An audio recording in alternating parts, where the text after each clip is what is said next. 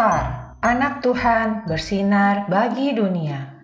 Renungan tanggal 30 Agustus untuk anak balita sampai kelas 1 SD.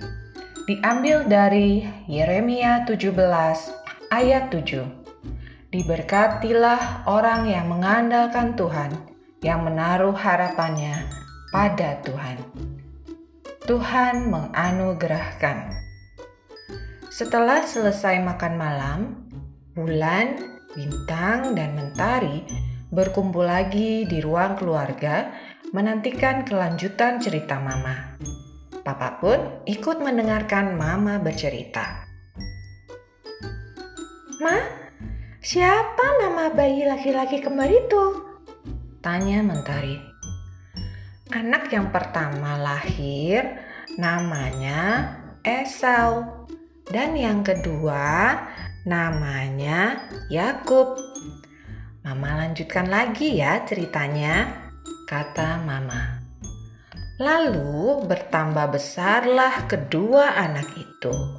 Esau pandai berburu, dia suka tinggal di padang. Yakub seorang yang tenang, dia suka tinggal di kemah. Ishak ayahnya sayang kepada Esau sebab ia suka makan daging buruan. Tetapi Ribka ibunya sayang kepada Yakub. Wah, Ishak dan Ribka pasti sangat bahagia ya, Ma. Akhirnya Tuhan memberikan anak-anak kepada mereka. Kata bulan.